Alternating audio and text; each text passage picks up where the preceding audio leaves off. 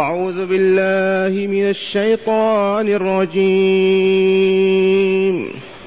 واتل عليهم نبأ نوح إذ قال لقومه يا قوم إن كان كبر عليكم مقامي إن كان كبر عليكم مقامي وتذكيري بآيات الله فعلى الله توكلت.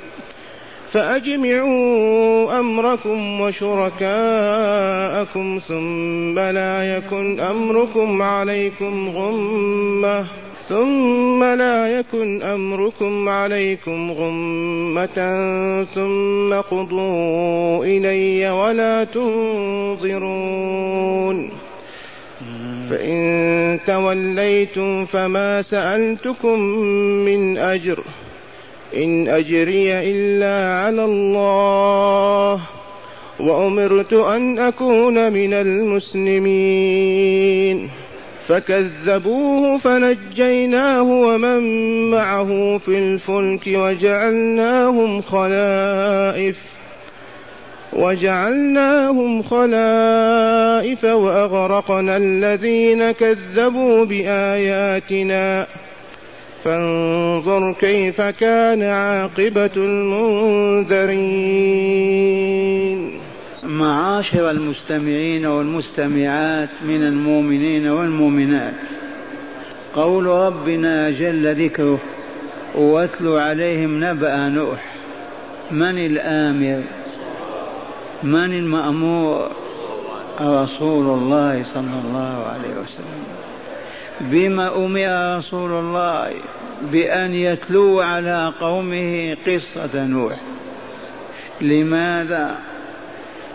ليقوى على إبلاغ دعوته ليتحمل ما تحمل نوح من قبل وليكون القصص أيضا سبب هداية القوم الكافرين.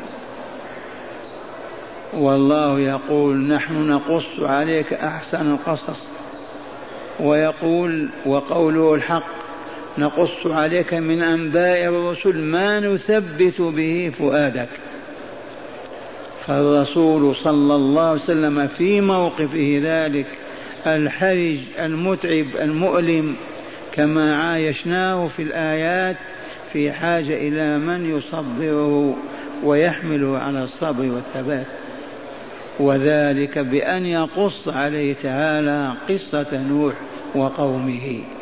فقال لرسوله صلى الله عليه وسلم واتل عليهم نبأ نوح أي اقرأ على قومك تلا يتلو الكتاب إذا قرأه. واتل عليهم نبأ نوح ما قال خبر نوح نبأ عظيم. أحداث ألف سنة إلا خمسين عاما. وأنزل الله تعالى في هذه القصة سورة بكاملها تسمى سورة نوح بين المعارج والجن. وقص قصته في الكثير من الصور. واتل عليهم نبأ نوح إذ قال لقومه الذين أرسل فيهم ونبئ فيهم بينهم وكانوا مشركين. يعبدون اللات لا يعبدون يغوث ويسوع ونصر ويعوق وقالوا لا تذرن أي لا تتركن. هذا القول قاله الرؤساء لأقوامهم من جماعة الشرك. لا تذرن آلهتكم بالخصوص بالعموم ولا تذرن ودا ولا سواعا ولا يغوث ولا يعوق ونسرا. وعلمنا المصطفى صلى الله عليه وسلم في حديث الصحيح أن هؤلاء الخمسه كانوا أولياء من عباد الله الصالحين. يغوث ويعوق ونصر ود سواع كانوا أولياء كما عندنا نحن الأولياء.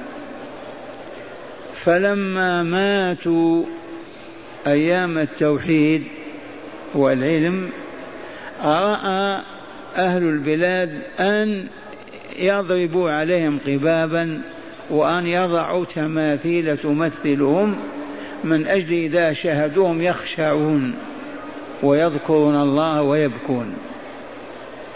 فعلوا ذلك مضى زمان أخذ العلماء يموتون والعلم ينقص.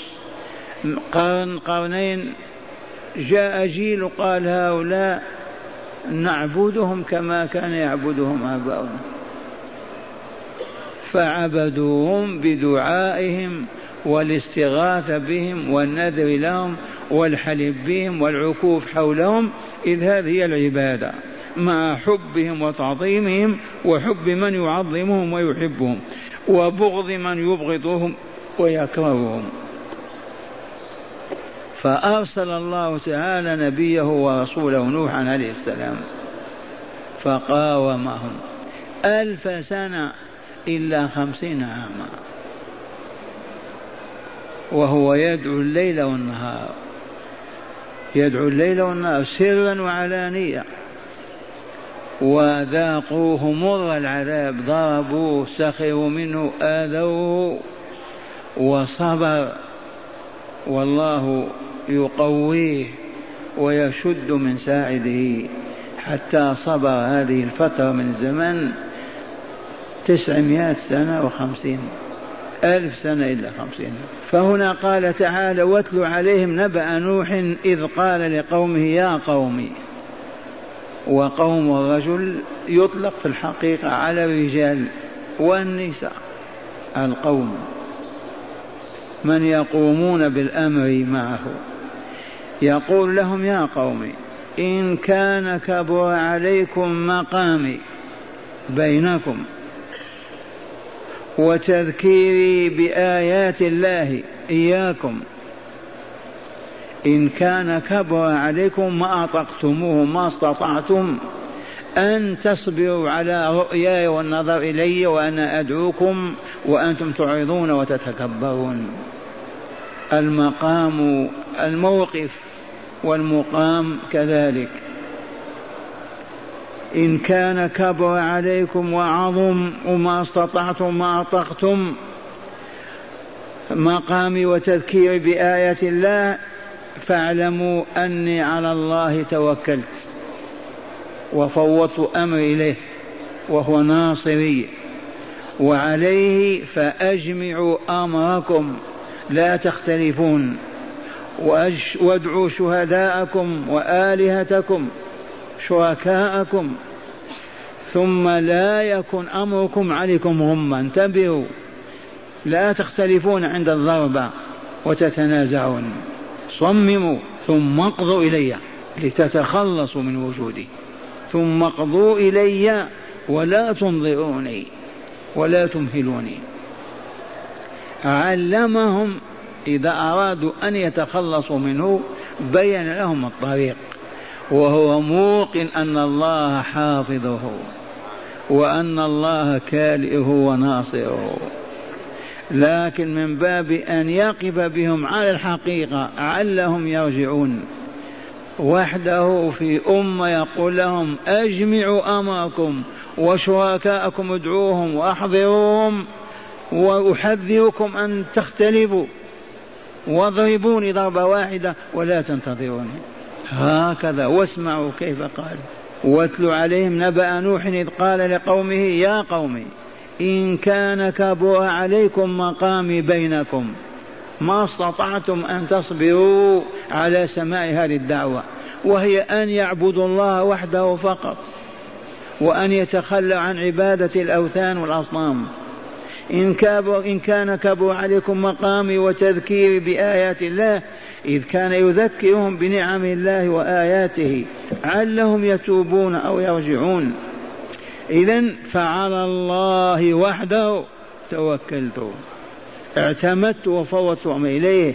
إذا فأجمعوا أمركم وادعوا شركاءكم ثم احذروا. لا يكن أمركم عليكم غمة في خفاء وظلمة على وضوح بيان. واضربوني ضربة واحدة. ثم لا تنظرون. ثم قال لهم فإن توليتم فإن توليتم وأعرضتم ما قبلتم دعوة التوحيد وأبيتم إلا الإصرار على الشرك والكفر فما سألتكم من أجر حتى تقولوا ما عندنا أبدا ما نعطيكه. أنت تعيش على حساب هذه الدعوة. قال ما سألتكم من أجر؟ مقابل ما أدعوكم إليه. أنا مأمور من قبل ربي وسيدي. أن أبين لكم الطريق وأوضح لكم السبيل لتنجوا وتسعدوا. فلو كنت آمركم بأن تدفعوا مالا أو تعطوني مقابل لتضايقتم وكنتم معذورين. ولكن ما سألتكم من أجر إن أجري إلا على الله. هو الذي يوفيني أجري في الدنيا أو في الآخرة. أما أنتم فلا أسألكم دينارا ولا درهما. قالت العلماء في هذه الآية دليل على أن الداعية لا يكون لا يقبل أجرا ولا يطالب المدعوين بالمال. فإن حصل من طريق أوقاف أو كذا لا بأس. أما أن يقول أعطوني حتى أعلمكم لا يجوز. فإن توليتم فما سألتكم من أجر إن أجري إلا على الله وأمرت أن أكون من المسلمين. وأمرني ربي أن أكون من المسلمين. القلوب والوجوه والأعمال لله. فها هو تعالى أمرني أنا أدعوكم أنا أدعوكم. أمرني بالصبر أنا صابر على أذاكم. أمرني بالبقاء على دعوتي أنا باقي. لأنني من جملة المسلمين. من هم المسلمون؟ الذين أسلموا قلوبهم لله ووجوههم. ومن أحسن دينا ممن أسلم وجهه لله وهو محسن. إسلام القلب لله أن يكون قلبك لا يفكر إلا في رضا الله. لا هم أبدا يحمل إلا أن يرضى الله عنك. هو الذي تلجأ إليه وتفزع إليه. هو الذي تدعوه وتطرح بين يديه. يكفر ذنبك ويقضي حاجتك. ويفرج همك ويزيل غمك هو فقط أما سواه فلا لا. وأما إسلام الوجه لله فإنك لا تنظر إلا إلى الله ولا ترى الله ولا ترى غير الله. لا تذل ولا تنكسر ولا تطمع ولا ترجو ولا ترغب في أحد إلا في الله عز وجل. بمعنى أنك أسلمت نفسك له. إن قال قل قلت إن قال اسكت سكت إن قال كل أكلت إن قال صم صمت. هذا هو الإسلام. قواعد الإسلام في الإسلام خمسة شهادة أن لا إله إلا الله وأن محمد رسول الله هذه قاعدة. إقام الصلاة إيتاء الزكاة صوم رمضان حج بيت الله الحرام لمن استطاع إليه سبيلا. من جاء بهذه القواعد الخمسة أسلم. ومن رفض واحدة ما أسلم وما هو بمسلم. فإن توليتم فما سألتكم من أجر إن أجري إلا على الله وأمرت أن أكون من المسلمين. هذا نوح أمر أن يكون منكم أيها المسلمون. ذي فضيلة لا حد لها ولا وزن ولا قيمة. ألسنا مسلمين؟ نوح يسأل الله أن يكون معنا من المسلمين. إن صدقنا في إسلامنا قلوبنا لله ووجوهنا له تعالى. ثم قال تعالى فكذبوه ما صدقوه. في أي قضية من قضايا الدعوة في أي مسألة من مسائل التوحيد كذبوه. فنجيناه ومن معه في الفلك. الفلك أول فلك عرفته البشرية. وصنعه نوح بقدومه ويده وجبريل يرشده فكون الفلك أو السفينة على سطح الأرض لا ماء ولا بحر وكان يمر به الصعاليك ويقولون يا نوح هذه السفينة تنقلها إلى البحر أو تنقل البحر إليها؟ يستهزئون به ويسخرون. ودقت الساعة وأمره الله أن يحمل نفسه وأسرته والمؤمنين وكانوا نيفا وثمانين نسمة بين رجل وامرأة فقط. ثم تدفقت المياه من السماء ومن الأرض. وقرأوا لذلك. فدعا ربه أني مغلوب فانتصر لي. ففتحنا أبواب السماء بماء منهمر وفجرنا الأرض عيونا فالتقى الماء على أمر قد قدر وحملناه على ذات ألواح ودسور أي مسامير. وحملناه على ذات ألواح ودسور. إذا قال تعالى هنا فكذبوه فنجيناه ومن معه في الفلك. وجعلناهم خلائف الأرض. إذ كل من على الأرض انتهى وجوده. غرق هلك. فمن هم الذين جعلهم خلائف؟ أصحاب السفينة. ومنهم توالدت البشرية. أولاد نوح سام ويافث. وجعلناهم خلائف في الأرض. وجعلناهم خلائف وأغرقنا الذين كذبوا بآياتنا عن آخرهم.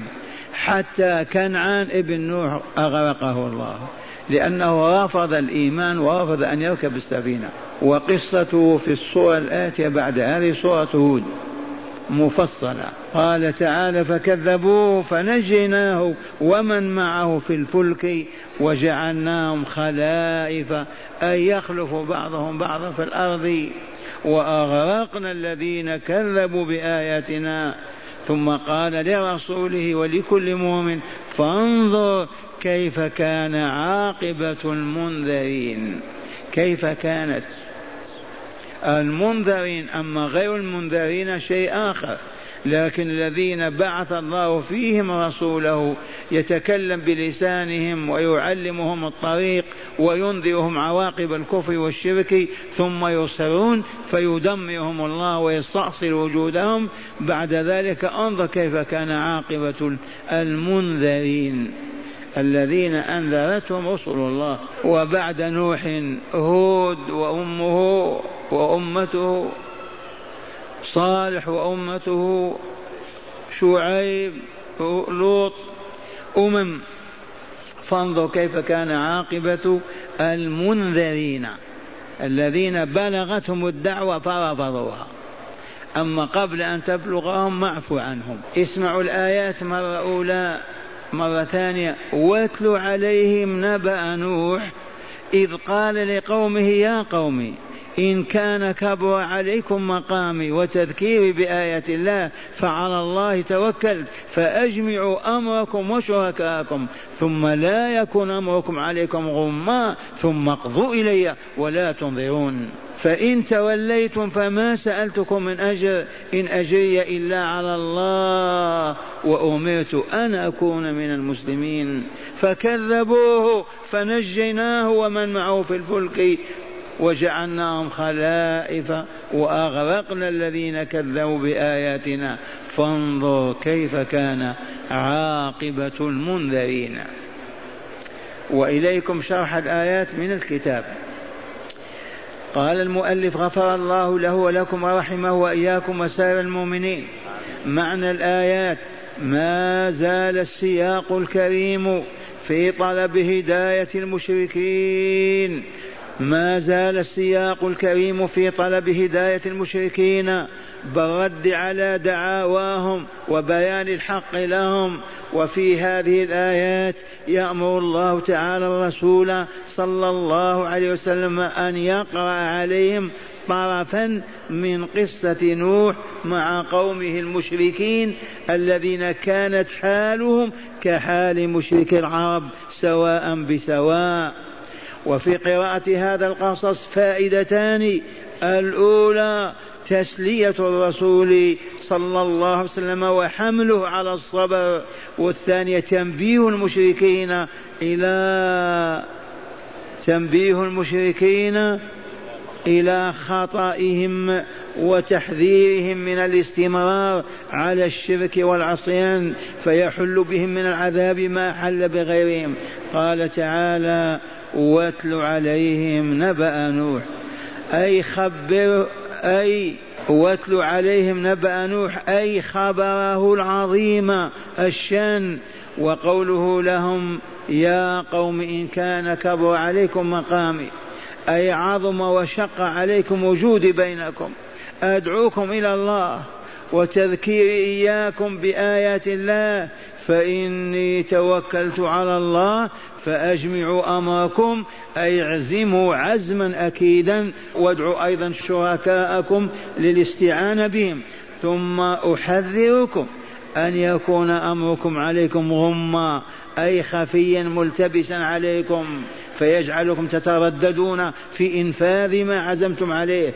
ثم اقضوا إلي ما تريدون من قتلي أو أو نفي ولا تنتظر ولا تنظرون تنظروني أي لا تؤخروني أي تأخير وقوله تعالى فإن توليتم أي أعرضتم عن دعوتي وتذكيري ولم تقبلوا ما أدعوكم إليه من عبادة الله تعالى وحده فما سألتكم عليه من أجر أي ثواب حتى تتولوا.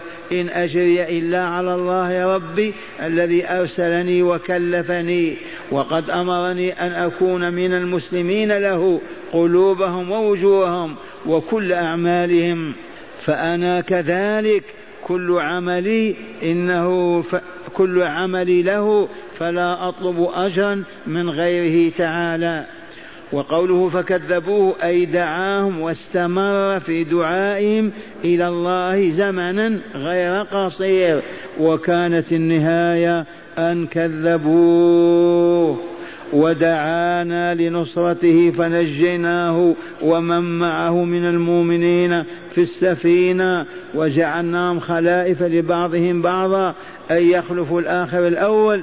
وأغرقنا الذين كذبوا بآياتنا التي أرسلنا بها عبدنا نوحا. فانظر يا رسولنا كيف كان عاقبة المنذرين الذين لم يقبلوا النصح ولم يستجيبوا للحق إنها عاقبة وخيمة.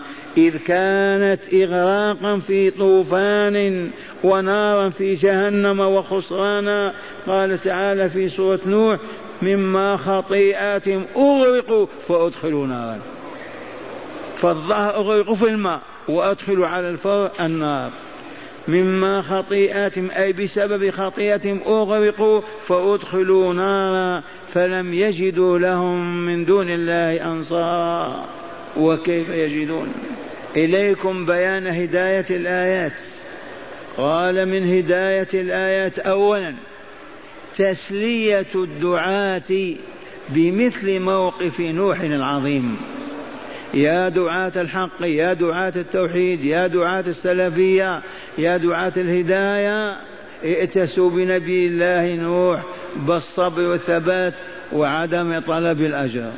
قال تسلية الدعاة بمثل موقف نوح العظيم إذ قال لقومه أجمعوا أمركم ونفذوا ما تريدون إني توكلت على الله. ومعنى هذا الداعي إذا هدد أو خوف ما يترك دعوة الله. نوح توكل على الله يثبت ونحن مأمورون بالاقتداء بهم. ثانيا ثمرة التوكل شجاعة واطمئنان نفس وصبر وتحمل مع مضايع عزيمة. ثمرة التوكل نتيجة التوكل ما هي على الله؟ الشجاعة والاطمئنان النفس والصبر وتحمل مع مضائع العزيمة. ثالثا دعوة الله لا ينبغي أن يأخذ الداعي عليها أجرا إلا للضرورة إلا للضرورة. كأن لم يجد ما يأكل ولا يشرب. رابعا بيان سوء عاقبة المكذبين بعد إنذارهم وتحذيرهم. بيان سوء عاقبة المكذبين بعد إنذارهم وتحذيرهم من عاقبة تكذيبهم وشركهم وكفرهم.